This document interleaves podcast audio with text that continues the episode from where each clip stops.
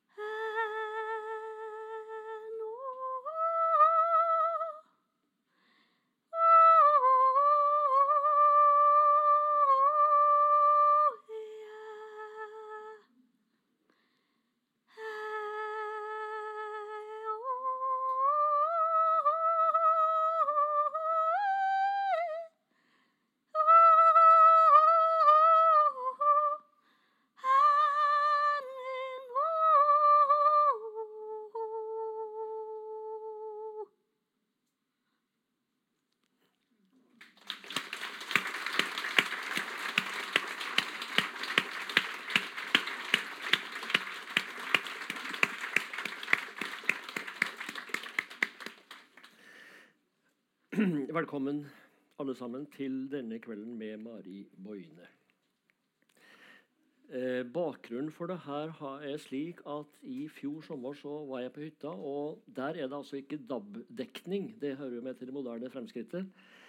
Så da spilte noen gamle eh, lydbånd, deriblant et opptak fra radiodokumentaren i 2007 med Mari Boine. Da skjønte jeg øyeblikkelig at den dama der skal også komme på Litteraturhuset i Trondheim i den serien som det her inngår i, nemlig 'Hva er da et menneske?'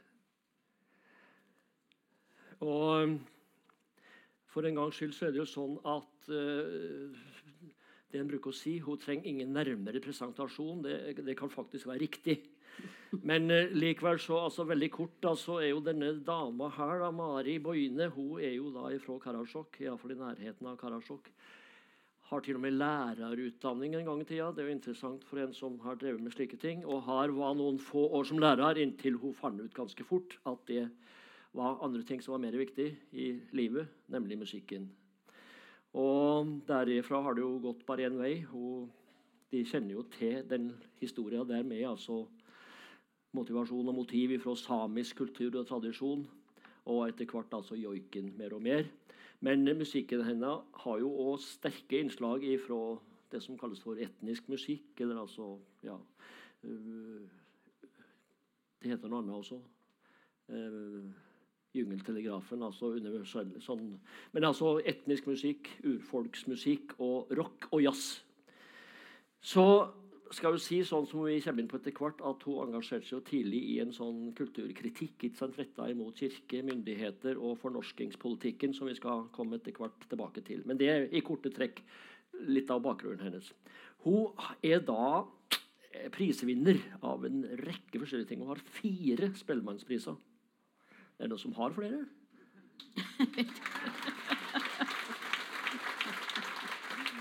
Hun har Nordisk råds musikkpris og Anders Jares kulturpris. Og hun er ridder av første klasse av St. Olavs orden. Hun æres... Jeg sier ikke det her fordi hun trenger noe ytterligere, men det er flott å, å kunne fortelle om. altså Æresdoktor ved Universitetet i Tromsø. Nå mer Norges arktiske universitet, og er innlemma selvsagt i Rockheim Hall of Fame. Så her det er ikke småtterier. Altså, sånn sett så burde jeg være, ha sånn Det heter å være starstruck. Starstruck, starstruck, starstruck. starstruck. Og det burde jeg være, men jeg, jeg har liksom ikke sjølinnsikt nok til å være det. Altså, jeg jeg syns det her er så hyggelig og at du kom. Så nå stiller vi litt mer sånn på, på like bane. Det er jo, det er jo på en måte også to liv. Jeg skal ikke Jeg skal ikke bruke tid på, på jeg skal spille inn Mari Boine mest mulig. Men det er noen paralleller som vi kanskje kan komme inn på. Så vi går rett på sak her, tenker jeg. Um, stikkord nummer én er barndommen i Karasjok. Om du kunne rett og slett litt løst og fast snakke om det, for det er jo et, et sentralt element i det her. Mm. Jeg har først lyst til å si før vi begynner, at jeg syns det er utrolig hyggelig at det kommer så mange for å høre på oss snakke. Jeg, skal ikke synge. Jo, litt skal jeg gjøre. Og, og så syns jeg det er fantastisk at dere har starta en sånn serie med det temaet 'Hva er da et menneske?' Jeg, og jeg elsker å filosofere, og jeg skulle gjerne vært her og mm. hørt på. Vi kan fortsette. Ja. og så når du, når du, snakker om det å bli starstruck, så bruker jeg å si til folk når de sier 'Å, nå ble jeg det', så sier jeg 'Men hva, hva tror du jeg blir hver morgen?' Går inn på badet. Ser i speilet og sier 'Å, herregud, der er hun igjen'.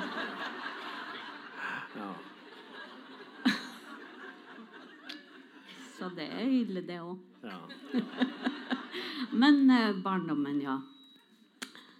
Jeg, jeg vokste opp ved um, to mil eh, eh, sør for Karasjok. Eh, Gammehisnjarga. Grensen heter på norsk.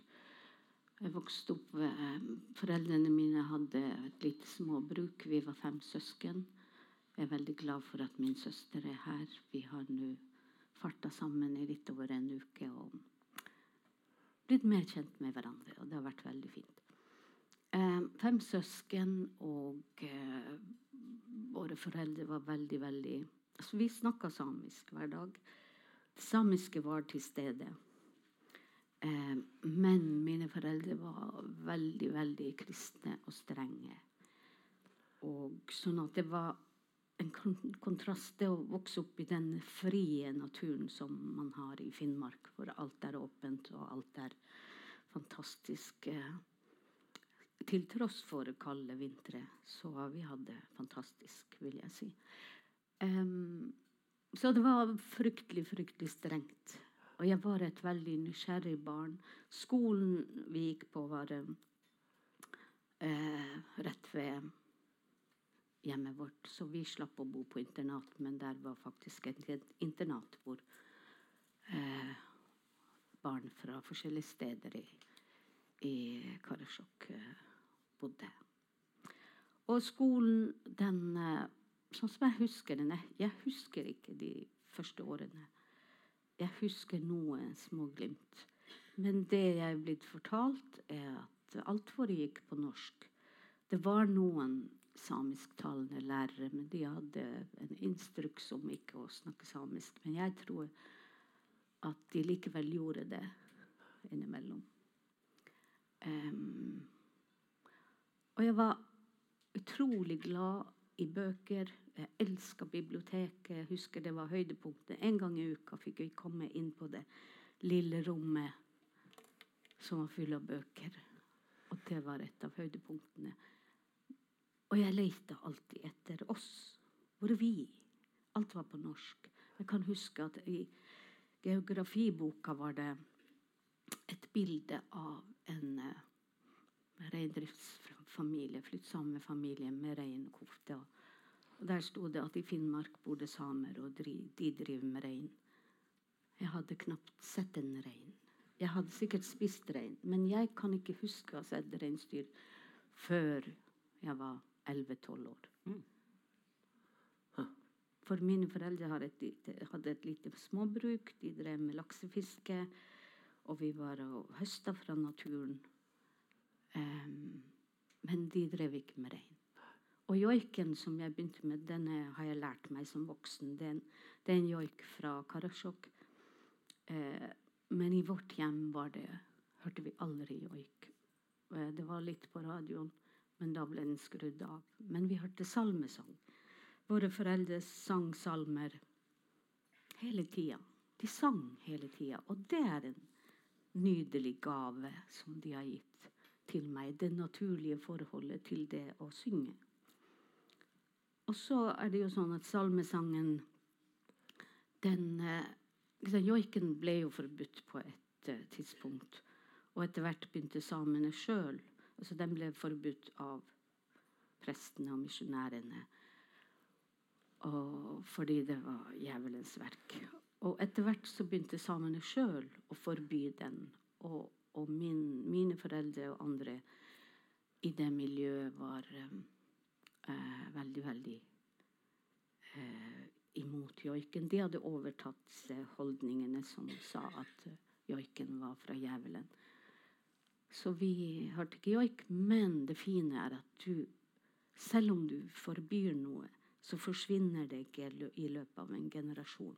Så når de sang salmer, så skinte joiken igjennom sånn at den måten som de sang salmer, det er det jeg har tatt med. Du beskriver et møte i, ja, i min barndom var noe som het for samling. Det var Indremisjon. Det er min parallell til det her, men det var samling.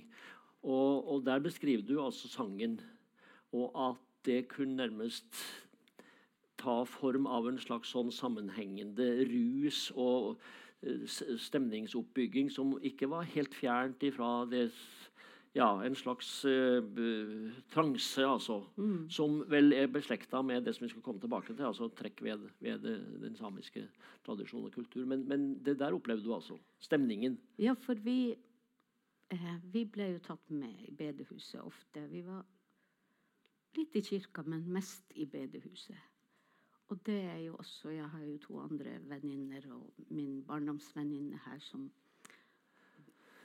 som vi har, jeg har vokst opp sammen med og har masse felles opplevelser med. Og eh, vi var ofte på bedehuset. Og når da disse talene hadde foregått, eller prekenene, som både foregikk på samisk og på finsk, Eh, veldig sjelden på norsk. Det var samisk og finsk. Og eh, det var kanskje innimellom på norsk òg. Men et, når, de hadde, når dette hadde vart i noen timer, så begynte man å synge salme etter salme etter salme. Og så kom man i en slags transe som heter likahosat på samisk rørelse.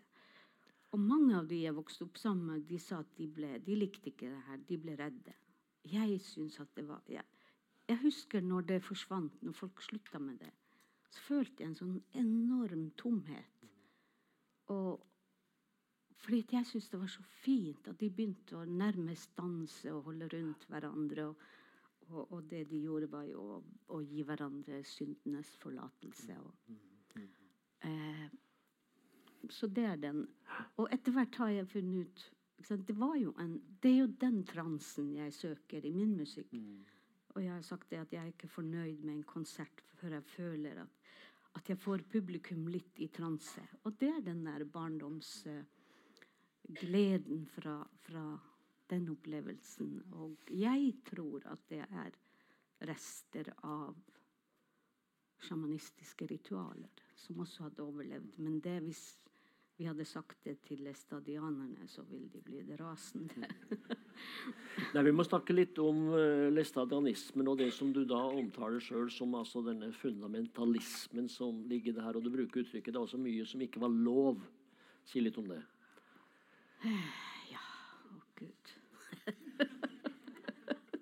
I min barndom fikk vi høre om synd og skyld og skam. Det tok lang tid før jeg oppdaga at det fantes andre ting. ja, men det var ikke lov å høre på musikk, det var ikke lov med joik, det var nesten ikke lov å le. Det var um, Altså, det var så mye. Det var ikke lov å danse. Det var så mye som var uh, forbudt, og så var det, det nesten all glede. Og uh, og eh, at man hele tida måtte, måtte, dempe seg. Og, og, når vi da ble tenåringer, så var det ikke lov å gå med korte skjørt, og det var ikke lov å sminke seg. Var, eh, sånn at du, du, ble fylt med en sånn Det ble så trangt.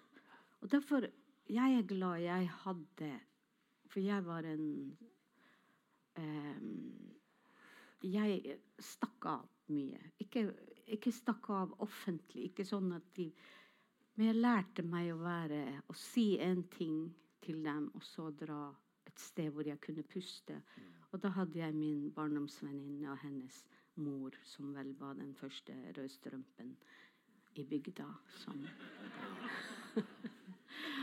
som, og for meg ble det et pusterom som jeg er utrolig takknemlig for og glad for å ha hatt. Men det var hele tida denne redselen for å bli, bli avslørt, for å bli, for å bli tatt. Og etter hvert som jeg begynte å gå på dans og begynte å gå på, og se på kino, så var jeg livredd for at far min skulle sparke inn døra og sa 'kom deg ut av dette helvetes hus'.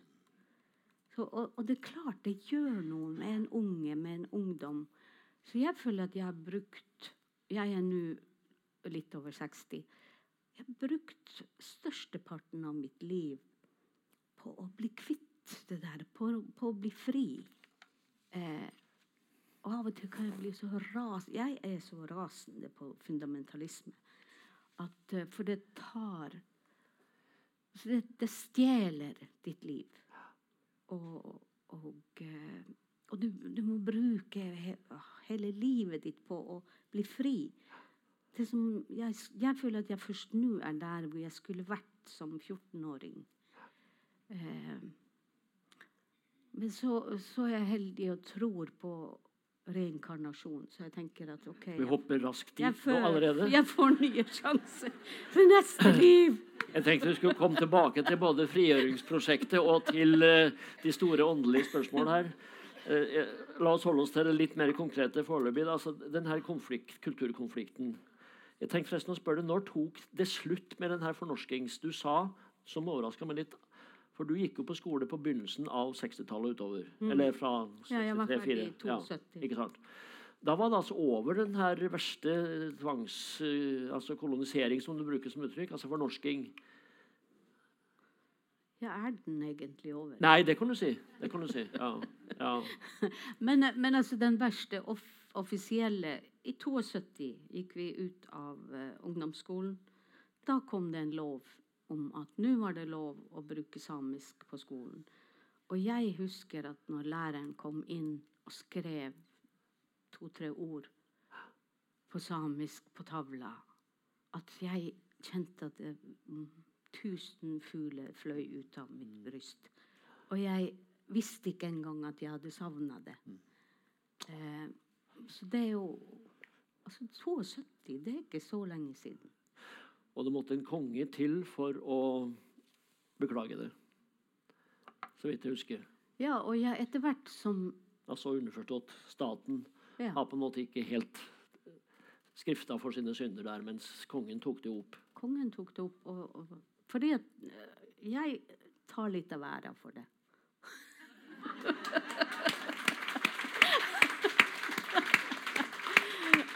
Fordi etter hvert som jeg Du kan se for deg en ung, sjenert jente som ikke har skjønt sammenhengene, som ikke aldri har tenkt over at vi er samer. Jeg trodde vi var sånn annenrangs nordmenn som ikke av en eller annen grunn ikke kunne ordentlig norsk, og mine foreldre kunne ikke norsk. Og så på Folkehøgskolen får jeg et lite innblikk i historien den samiske historien. Så begynner ting å falle på plass. Og på gymnaset får jeg mer kunnskap. På lærerskolen hadde jeg fantastiske lærere. Og plutselig så skjønte jeg sammenhengene. Og jeg som var det mest beskjedne eh, eh mennesket, fryktelig beskjeden jeg begynte å lage, Gjennom meg begynte sanger å komme som var rasende, og jeg var så sint. Uh, og eh, fordi at jeg følte at vi var blitt lurt til å forakte vårt eget. Og så begynte, gikk jeg, det mest beskjedne mennesket, ut. Når de intervjua meg, så sa jeg nei, jeg syns kongen skal be om unnskyldning. Jeg syns statsministeren skal be om unnskyldning. Jeg synes det, det har skjedd en urett. Og, og, når jeg tenker tilbake, så ikke skjønner jeg hvor jeg fikk motet fra. Men, men jeg bare jeg jeg var så sint, for jeg følte at jeg hadde vært i et fengsel. Og jeg så rundt meg og så at det var Det var ikke bare meg, vi var mange flere. Og jeg så at folk At det var mye alkoholisme, rusmisbruk, mye selvforakt, mye vold. Eh, som, som er i urfolkssamfunn. Og jeg begynte å se sammenhengene. Og samtidig oppdage denne fantastiske stemmen, eh, denne gaven som jeg har fått. Og jeg tenkte at jeg må ut i verden og vise at det samiske er like bra som det andre. Og jeg har fått denne gaven, og med den kan jeg Først må jeg ut, og så etter hvert vil jeg overbevise mine egne om at det vi har, er bra. Men du var lenge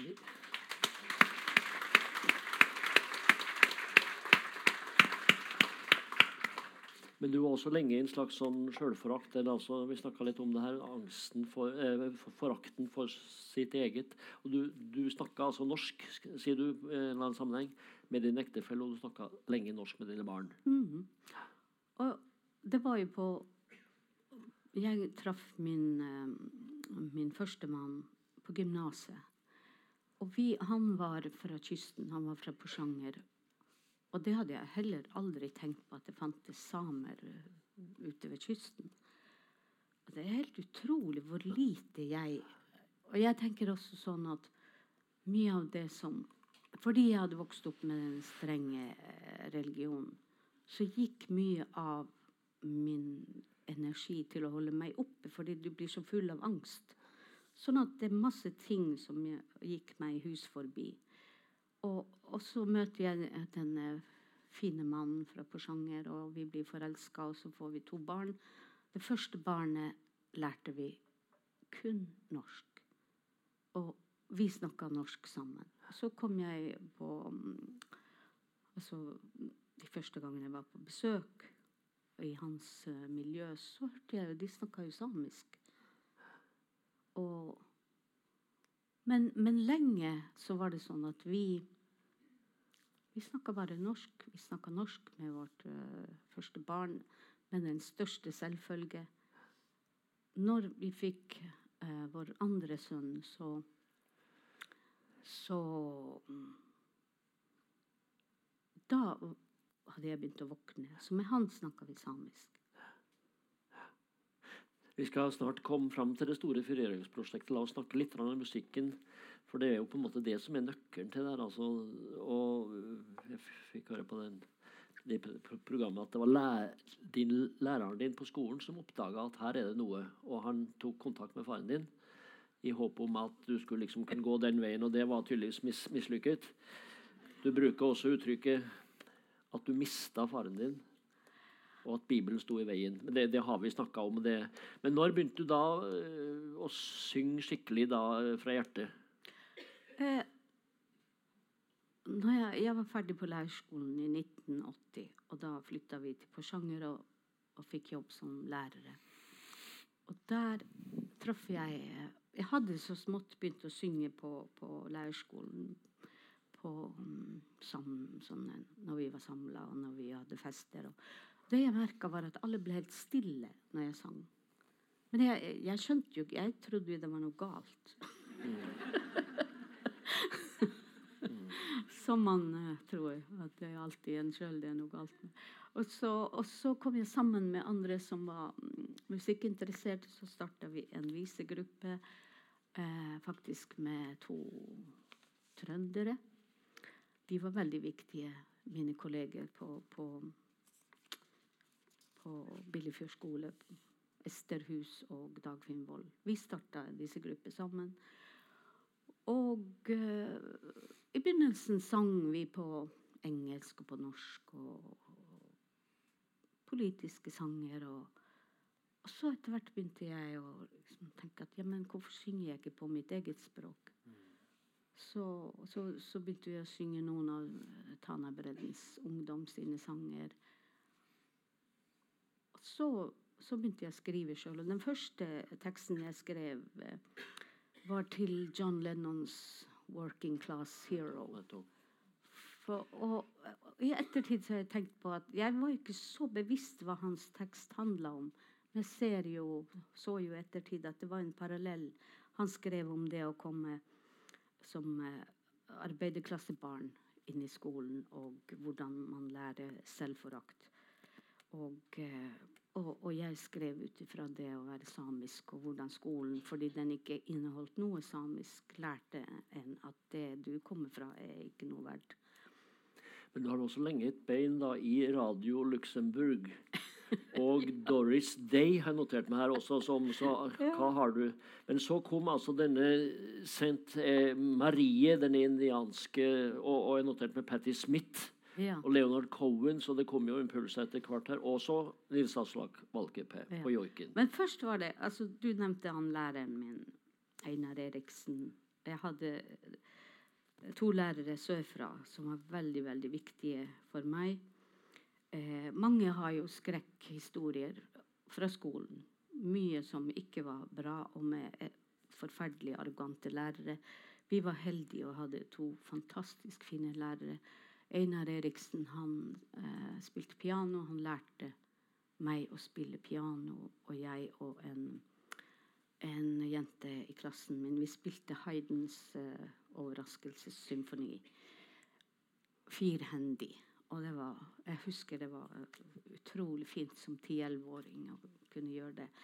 Og han så jo at jeg hadde et talent. Og han gikk til faren min og sa at du må la Mari eh, dra på konsert og på teater, og du må la henne høre på musikk. Og faren min sa ikke tale om syndige ting. og så, det, så kom den første skole hva skal jeg si, teaterstykket eller musikalen på samisk. Og da skulle hele skolen dra og høre på. Eh, for det var jo stort. Og, og da, da har han fortalt meg at han husker at bussen kjørte forbi vårt hjem, og der sto jeg og min søster Dagny og bare så på, mens vi fikk ikke være med. Eh, vi har tatt igjen. Og senere så forteller du at når du en gang var en sånn festival i Karasjok, så ringte mora di for å med altså nå tydeligvis joikeprogram, så ringte mora di for å høre er det virkelig sant. Ja, det var jo altså Når jeg da begynte å gi ut, når jeg begynte å synge og etter hvert joike eller Først så sang jeg for det meste. Men det vi gjorde, jeg og min eh, daværende mann, at vi ga ut en, en Da var det CD Nei, ikke CD-er. Kassetter. En kassett med sanger på samisk, barnesanger og joiker. Og da var de sjokkert. Da kom de til oss og sa at dere har solgt dere til djevelen. Og det, det verste var jo joiken. At joiken var plassert der. Og de drev og hele tida sa til meg at jeg måtte slutte med denne sangen og, og, og bare være en lærer og, og lydig kone og mor. Og, eh, og så, men jeg fortsatte. Og så en, en, eh, en sommer så spilte jeg på en festival eh, i Karasjok, og da, da ble den en direktesendt på radioen. Og da når jeg, kom, jeg bodde hos dem, og når jeg kom hjem på natta, så hun, satt hun oppe og sa at Og jeg tenkte å, så hyggelig, hun har hørt på. Så sa hun, spurte jeg har du hørt på. Jeg måtte høre om du virkelig joiker. Og de kom aldri på noen konserter. De hørte av og til på i skjul. Og eh, første gang jeg opptrådte på Jeg fikk Spellemannsprisen og sang en sang på TV. Da hadde de dratt til en nabo og, og sett på og hørt på. To dager etter fikk far min hjerteinfarkt. Jeg vet ikke om det var noen sammenheng, men Vi skal kanskje komme litt var tilbake til det også, den her forsonings... Men så snakker vi om Doris Day. Jeg hørte på Doris Day. Jeg hadde sånn det ideale lyse blonde. Jeg ville bli sånn, sånn vestlig og lys og blond og høy. Og jeg ville bli flyvertinne og fotomodell og sangerinne og Ikke for seint. Det er ikke for sent. Nei, det det greia er at jeg har blitt alt det. Jeg er eh, modell. Rollemodell. Jeg er flyvertinne, for jeg tar folk med ut og fly. Og sangerinne. Og så kom Patti Smith og Buffy St. Mary.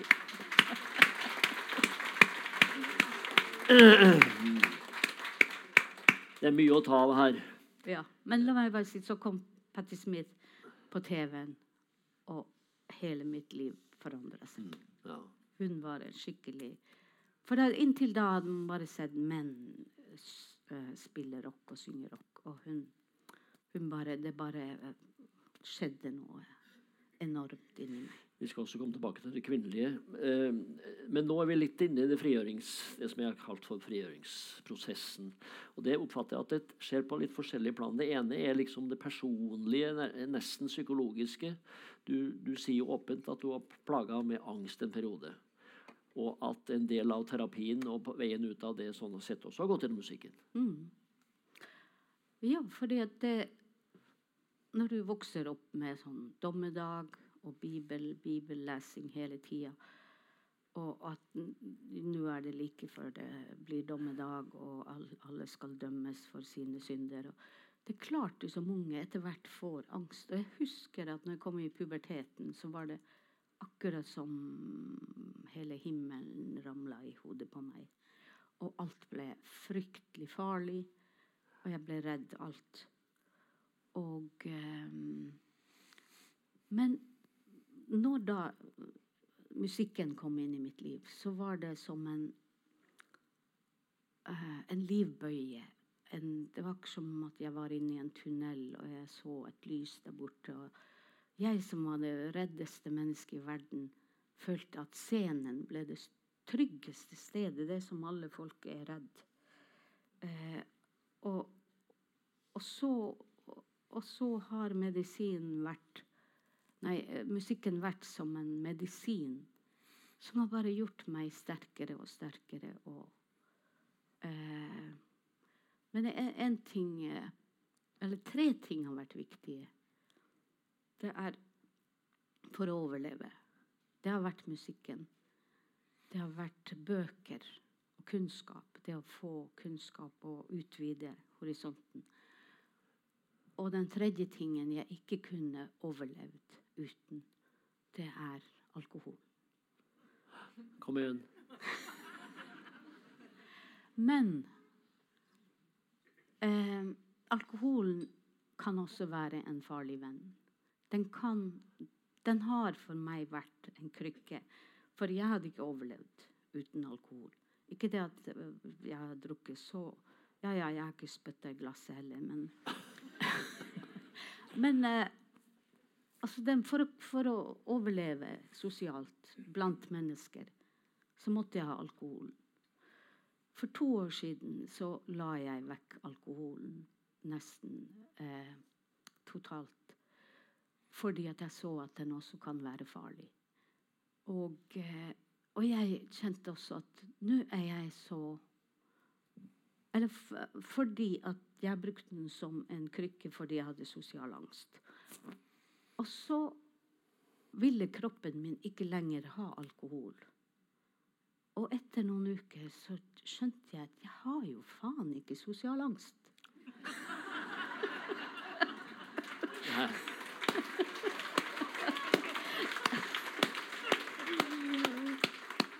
Sånn at jeg har bestemt meg for at resten, Skal du fortsette, ja? ja, resten av- av livet skal jeg være her til stede uten å gjemme meg bak noe som helst.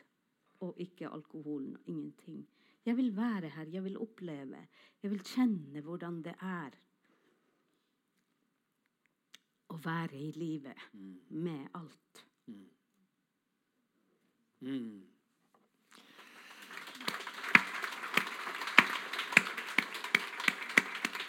Men, men jeg vil ikke være som mine foreldre eller den, det miljøet som vil fordømme. Altså Der var det jo sånn at alkohol alt var som, Det var sånn fordømming av alt. Jeg syns Jeg er ikke sånn som skal moralisere og si at ikke folk skal drikke. Det er ikke derfor jeg snakker om det å, å legge vekk alkoholen. Det er det som var riktig for meg. Og eh, fordi at jeg vil, jeg vil være til stede med alle sanser. Fordi at jeg mista så mye pga. den forbaska sosiale angsten.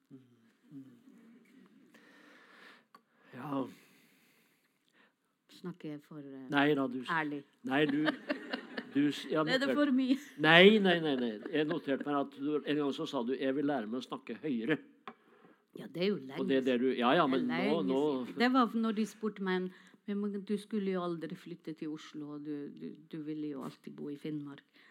Så spurte de hvorfor jeg hadde flytta til en by, og jeg sa det er for å lære meg å, å snakke høyere. Og det har jeg gjort. Mm. Og jeg vil også studere bymennesker og skjønne, for det er bymennesker som styrer verden. Jeg må jo skjønne hvordan jeg skal eh, kommunisere med de som styrer. Ja, dermed så er vi kanskje litt over i et slags annet aspekt liksom, av frigjøring. Da. La oss kalle det for politisk, da. Vi skal komme tilbake til det åndelige. det skal vi enda se. Men det, det skjedde jo nå under Alta-opprøret, har du sagt. Så på det mer politiske planet, hvis det går an å snakke sånn. Mm. Det var jo fordi jeg fikk mer kunnskap, og jeg så sammenhenger. Og også under Alta-kampen så var det kjempemye i media som gjorde at man måtte og, og da var jeg enda sånn at nei, jeg ville bort fra det samiske. Jeg ville ikke ha noen meninger. Jeg ville, jeg syntes at det her var bare Jeg ville bli norsk. Jeg ville langt vekk. Eh, og, og, og igjen at jeg begynte å se sammenhenger, og jeg så at jeg er nødt til å engasjere meg og ha meninger og tørre å stå for noe. Og, eh, og jeg så at verden over er den samme kampen mellom urfolk og, og eh, majoritetsbefolkninga, men og bak der er ofte eh, pengekreftene og grådigheten. Eh, så jeg begynte å se ting i en sammenheng, og jeg så hva som skjedde under Alta-kampen. Og, og igjen Jeg er sånn som hele tida må ta et oppgjør med meg sjøl og, og, og se hva Hvor er jeg uærlig, og hvor Hvor, eh, hvor trenger jeg å ta, ta og revurdere mine holdninger og meninger. Og så har vi det kvinnelige, da. Du bruker et uttrykk i forbindelse Det var forresten på den der Jungeltelegrafen om etter den utgivelsen av 'See the Woman', Mhm. der du bruker uttrykket at du trer fram som kvinne. Ja, fordi at eh, Denne musikken tok meg med på en reise. Og egentlig var det mest Jeg lagde sanger som en terapi for meg sjøl. Og så plutselig var jeg en talsperson for et helt folk. Og plutselig var jeg ute i media, og, og jeg tok på meg den rollen fordi jeg så at den trengtes. At det trengtes at noen gikk fram og og, og snakka om disse tingene. Og også fordi at jeg fikk, med den stemmen jeg har, så fikk jeg oppmerksomhet. Og jeg gikk inn i den rollen, og jeg var i den rollen i mange år.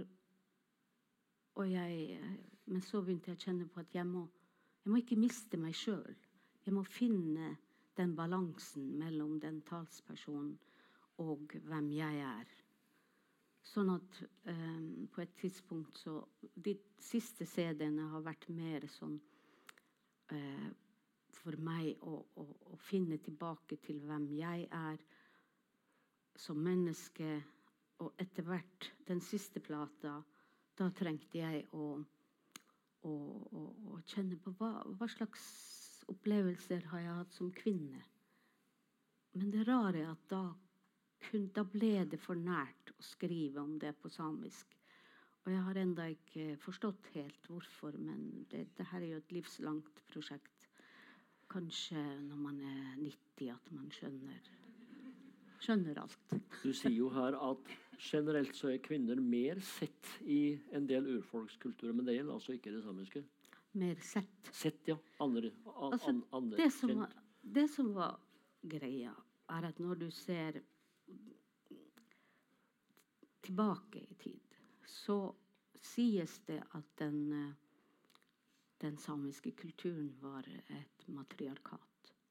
Hvor kvinnen hadde en, en sterk rolle. Og en av de Det er jo nedskrevet, og samer er nevnt i forskjellige historiske fortellinger. Og en av de En italiensk historiker og jeg, vet, jeg, tror han var historiker, i hvert fall. Hva han het Taketus eller Tasitus.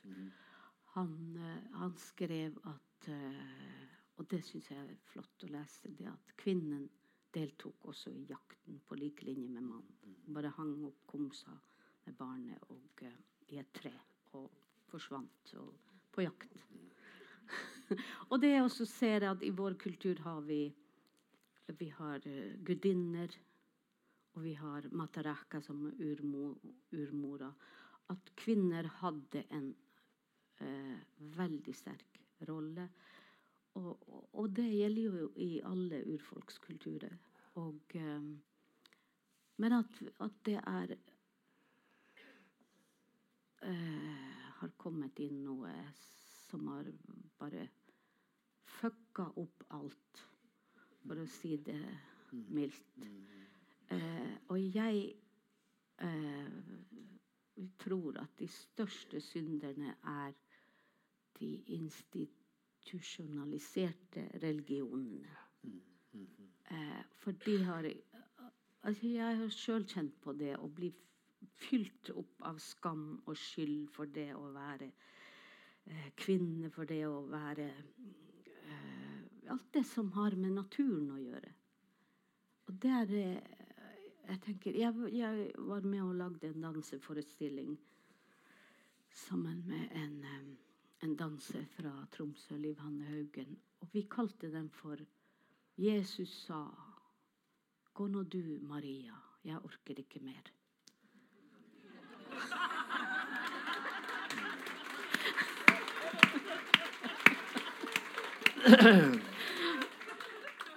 Og da så vi for oss sant, at det her har pågått i 2000 år, og så, og så er alt bare blitt kaos. Og nå må kvinnene tre fram og si at uh, det her går ikke lenger. Vi må begynne å si fra. Og vi må, vi må finne den kraften i oss sjøl, vi kvinner. Vi må ikke visne og, og skulle bli kopier av menn. Og vi må tørre styrken vi har, og samtidig sårbarheten vi har. Vi, vi kan ikke bli uh, Vi kan ikke bli menn. Men, uh, men, vi kan stole på vår styrke, men også uh, ikke skamme oss over vår sårbarhet.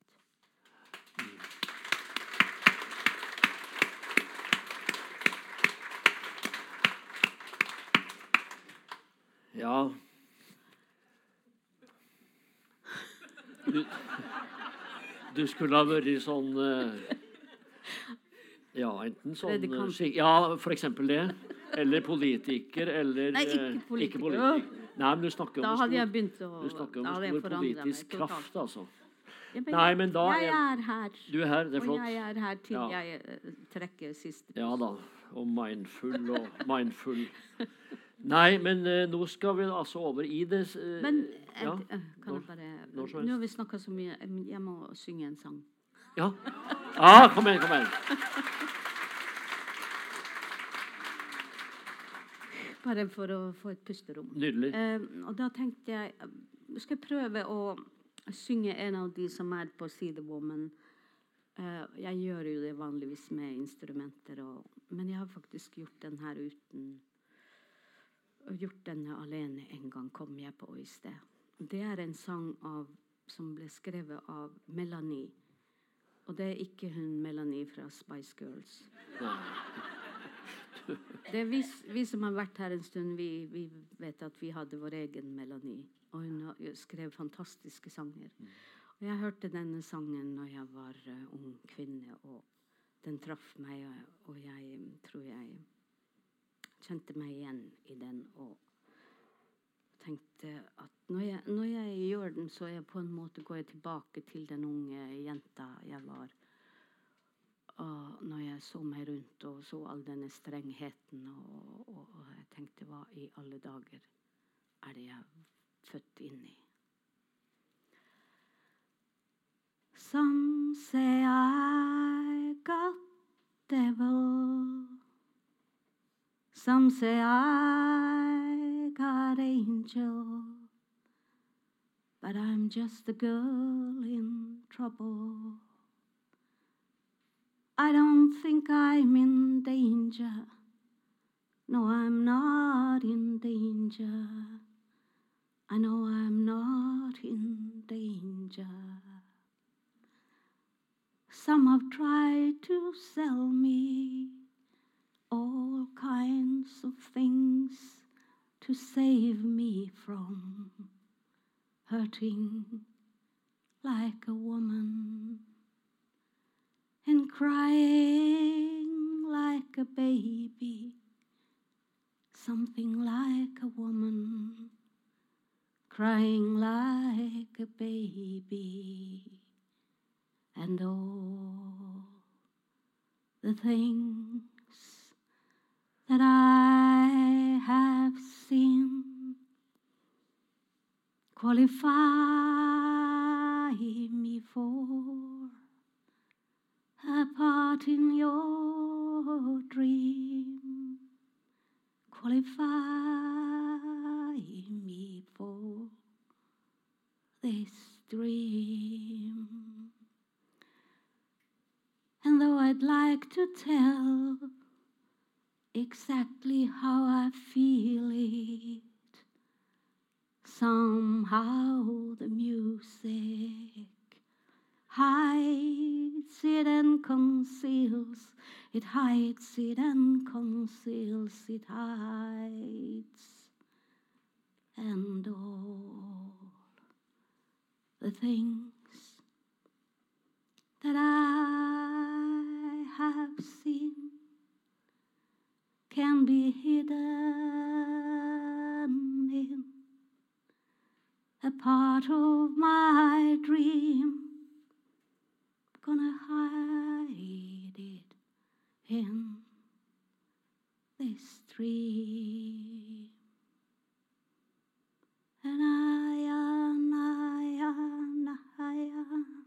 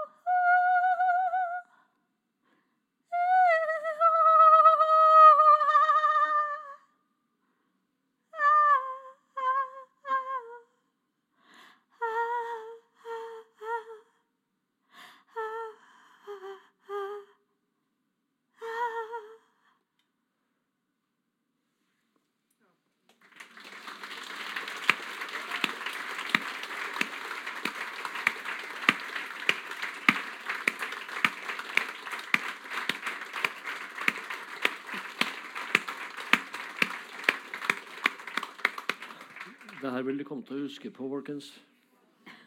Jeg glemte jeg skulle synge en mikrofon, men håper at det låt bra. Det er noen fotballspillere som er best uten ball. Jeg sier ikke at du er best uten mikrofon, men du var veldig god også uten mikrofon. Men altså det samiske nå da imot slutten Er det slik at du så å si har eh, ikke gjenoppdaga, da, men altså tatt mer innover det nå etter hvert, altså den her kulturen og tradisjonen og historia med det sjamanistiske Du nevnte i det intervjuet helbredende krefter, og du nevnte også en bror. Mm. Kan du si litt om det? Um, da kan jeg først si at vi, vi er jo fem søsken, og um, vår far spesielt, han ba hele livet for at vi skulle bli gode kristne. Han ba og han ba og han ba og han ba. Og eh, at vi skulle bli kanskje prester eller noe sånt. I hvert fall ikke befatte oss med det sjamanistiske og de gamle kreftene.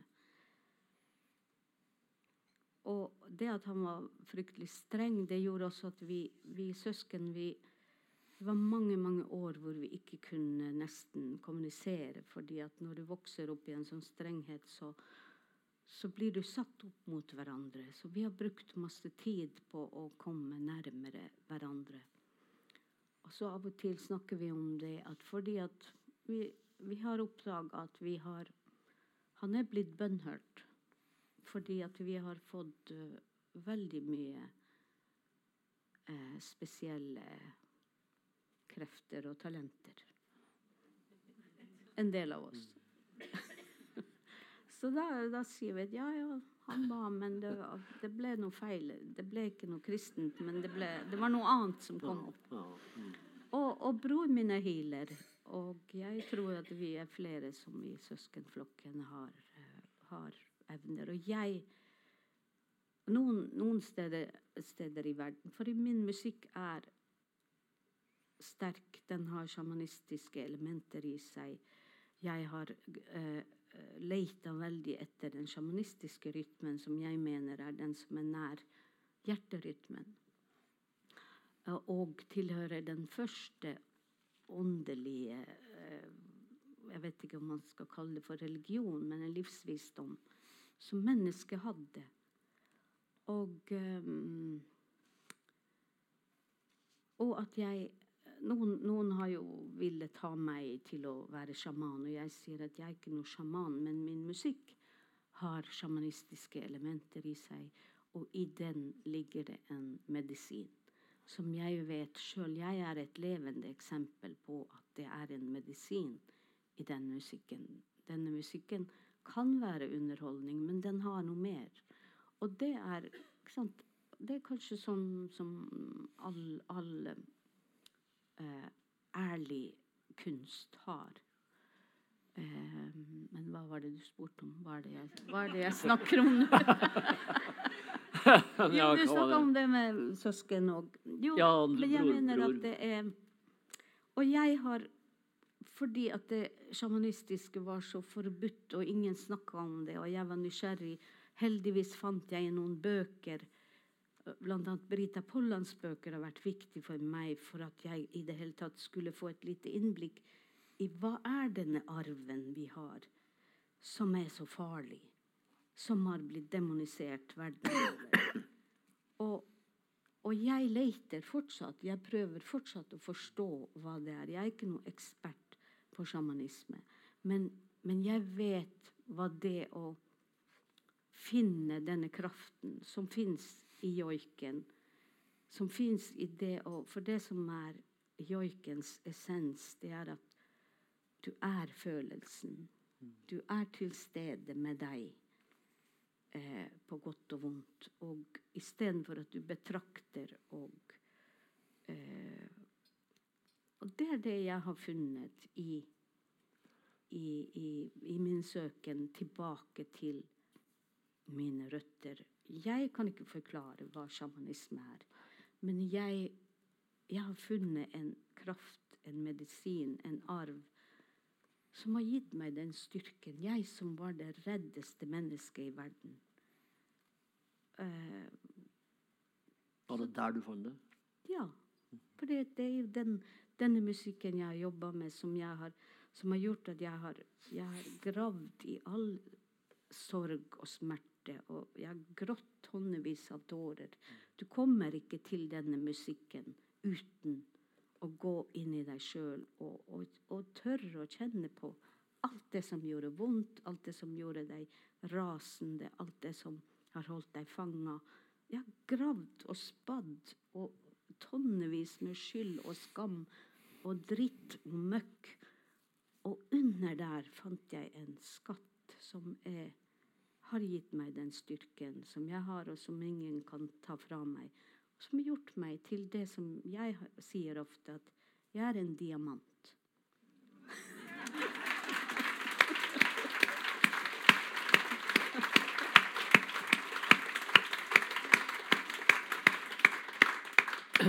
Og det syns jeg vi alle burde begynne å si til oss sjøl. Snakke til den. Jeg vil komme nær den diamanten som jeg har inni meg.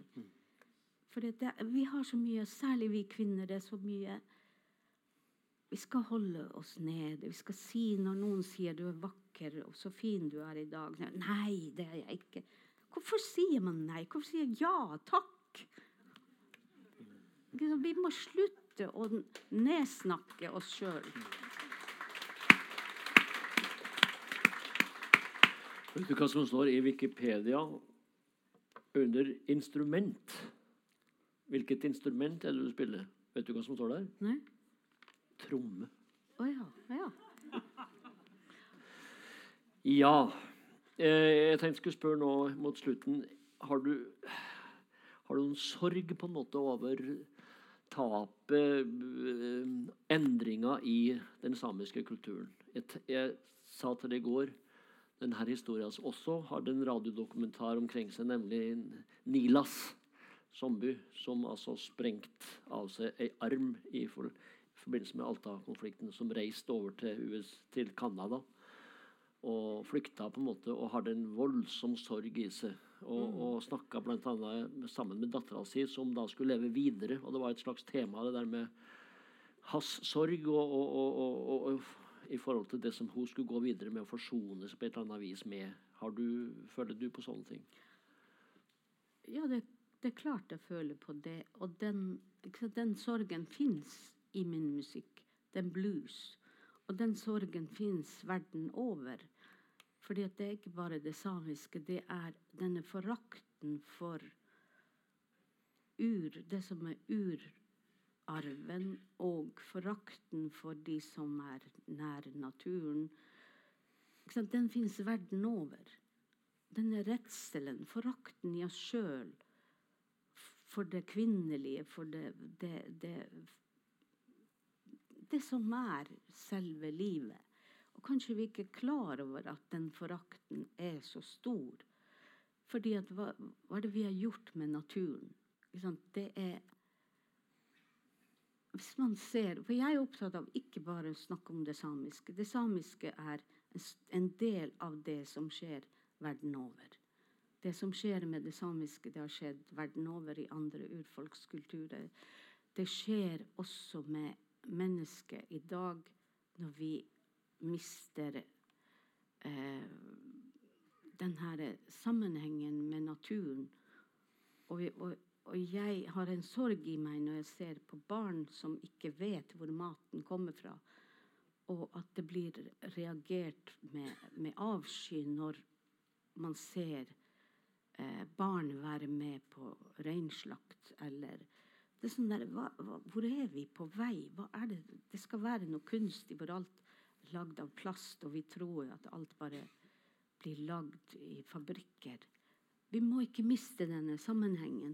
Så den sorgen som er i meg, den er fordi at jeg, altså verden er på vei et sted hvor man mister eh, det naturlige, det eh, jeg, vet, jeg har ikke ord. Men sånn at min sorg er ikke bare knytta til det samiske. Min sorg er knytta til det som skjer verden over. Og vi ser hvordan eh, moder jord prøver å si fra om at nå har det gått for langt.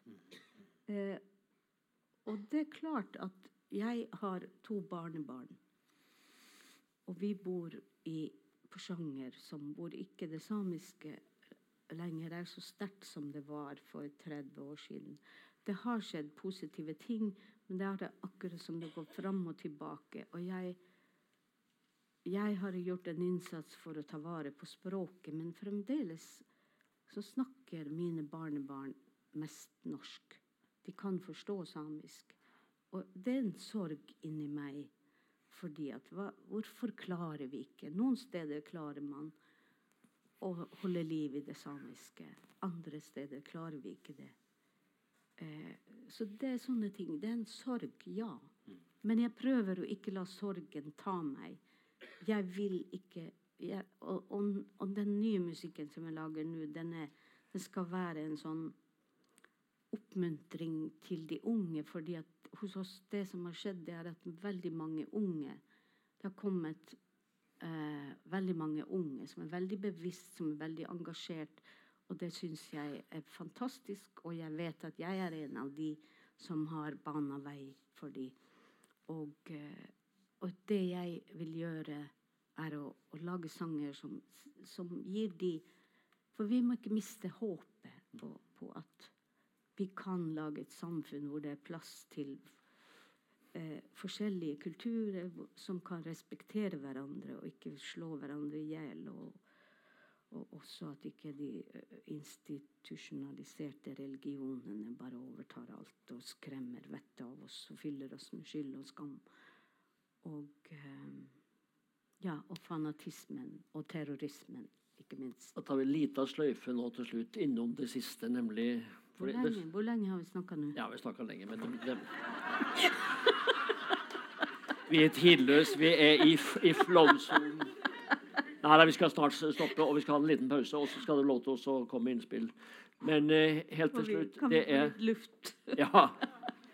Det er mye kamp i det her. Og så er det noe forsoning. Og til det siste ordet. Fordi at du sier en plass her at det var først da foreldrene dine døde, at du på en måte forsona det med det her. Og er det slik at du da så jeg er i ferd med å spørre Klarer du å forene et eller annet nå da i, i det kristne og, og, det samiske i noen slags høyere enhet av noe åndelig her? Jeg har uh, hørt at i Latin-Amerika har de klart å forene eh, de gamle altså religionene fra de gamle kulturene og det blir vel katolisismen. At det er enkelte steder. Det er sånn som jeg vil finne ut. Er det bare en, en myte, eller er det sant? For det, det er jo igjen sånn er det, det er ikke bare jeg som skal klare det. Det er vi.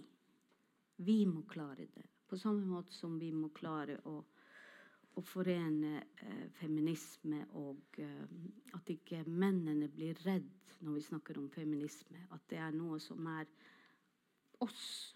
At det er en, på vei til et bedre samfunn. Hvor alle kan puste fritt. Og da tenker jeg også sånn, for jeg har også snakka om det at eh, Når jeg snakker om at uh, man skal ta vare på det samiske eller naturfolkskulturer eller ur, urfolkskulturer at det må ikke være sånn at man skal gjøre det av plikt eller fordi at det er politisk korrekt. Jeg er opptatt av å si at dette er en arv vi har fått beholde lenger enn urbaniserte mennesker. Så vi må sammen ta vare på dette. Dette er noe som tilhører ikke bare samer og ikke bare urfolk. Dette er noe som, som vi ikke må miste. Må, det er en flamme som må holdes levende. Ellers blir vi bare konsumenter og uh, lette for grådige Lette ofre for grådige de som bare vil tjene penger på oss.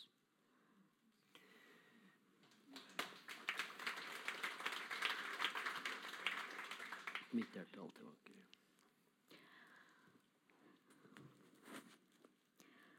Um, denne kvelden heter jo 'Mitt hjerte alltid vanker', eller dette programmet. Og uh, Movai Movachul Doppe. Kanskje jeg nå skal ha en mikrofon. Um, den, det er jo den Jeg sa at vi vokste opp med mye salmesang. Denne sangen er den vakreste salmen jeg lærte av mine foreldre. Og når jeg, jeg ble spurt om å om å synge den i bryllupet til uh, kronprinsen og kronprinsessen. Og først uh, Jeg har bare lyst til å fortelle litt historien. Det er litt sånn morsom historie med hvordan jeg ble spurt. For Da hadde jeg vært på en festival i Kautokeino, og det var blitt sene kvelder, og endelig var jeg kommet hjem, så jeg, dagen etter så sov jeg lenge. Og min venninne tok telefonen når de ringte fra Slottet, og da var klokka tolv.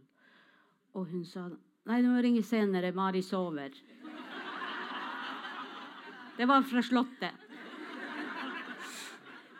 Herregud, du må ikke si at jeg sover klokka tolv! Ja, men hun sa nå det.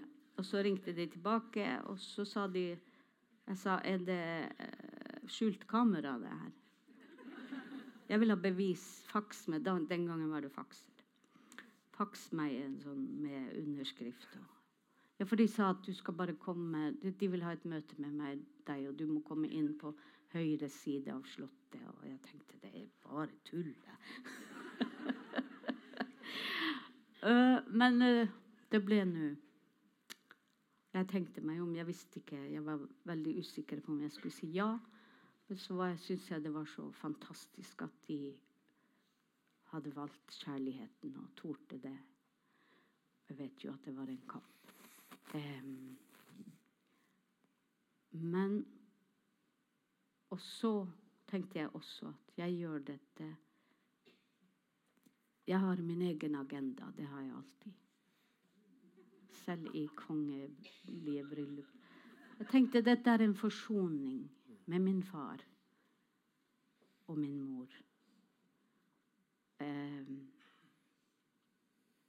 fordi at jeg på et eller annet tidspunkt måtte slutte å være sinte på de og måtte bare akseptere at ja, jeg er også farga av den kristne påvirkninga de har gitt meg. Og de to, min sjamanistiske arv og min kristne eh, påvirkning eh, De fant etter hvert en eh, fred. Og det også har vært med på å gjøre meg til eh, et sterkere menneske, fordi at man må man må bare uh, finne fred med det man er, og ikke skulle Og ikke skal jeg si, slåss mot noe av det som man inneholder. Så da sang jeg uh, denne vakreste salmen. Men jeg eh, sjokkerte en del folk fordi at jeg la til noen joikedeler. Og da var det sånn, Blant annet hørte jeg Nordlys hadde vært på et gamlehjem i Tromsø og fulgt med, fulgt med når jeg sang. Og da når jeg kom med joikes Å nei, nå skremte hun de, nå skremmer hun de kongelige. Men det gjorde jeg altså ikke. De var, kongen tok meg jo imot sånn når jeg kom på Slottet, og sa bare ha-ha-ha.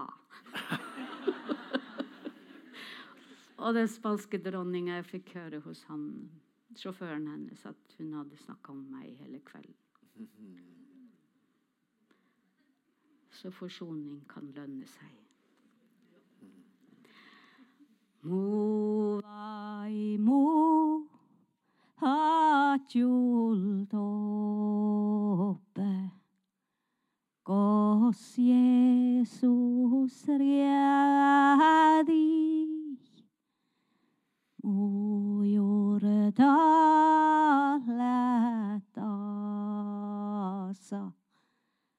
我 och de tjockanon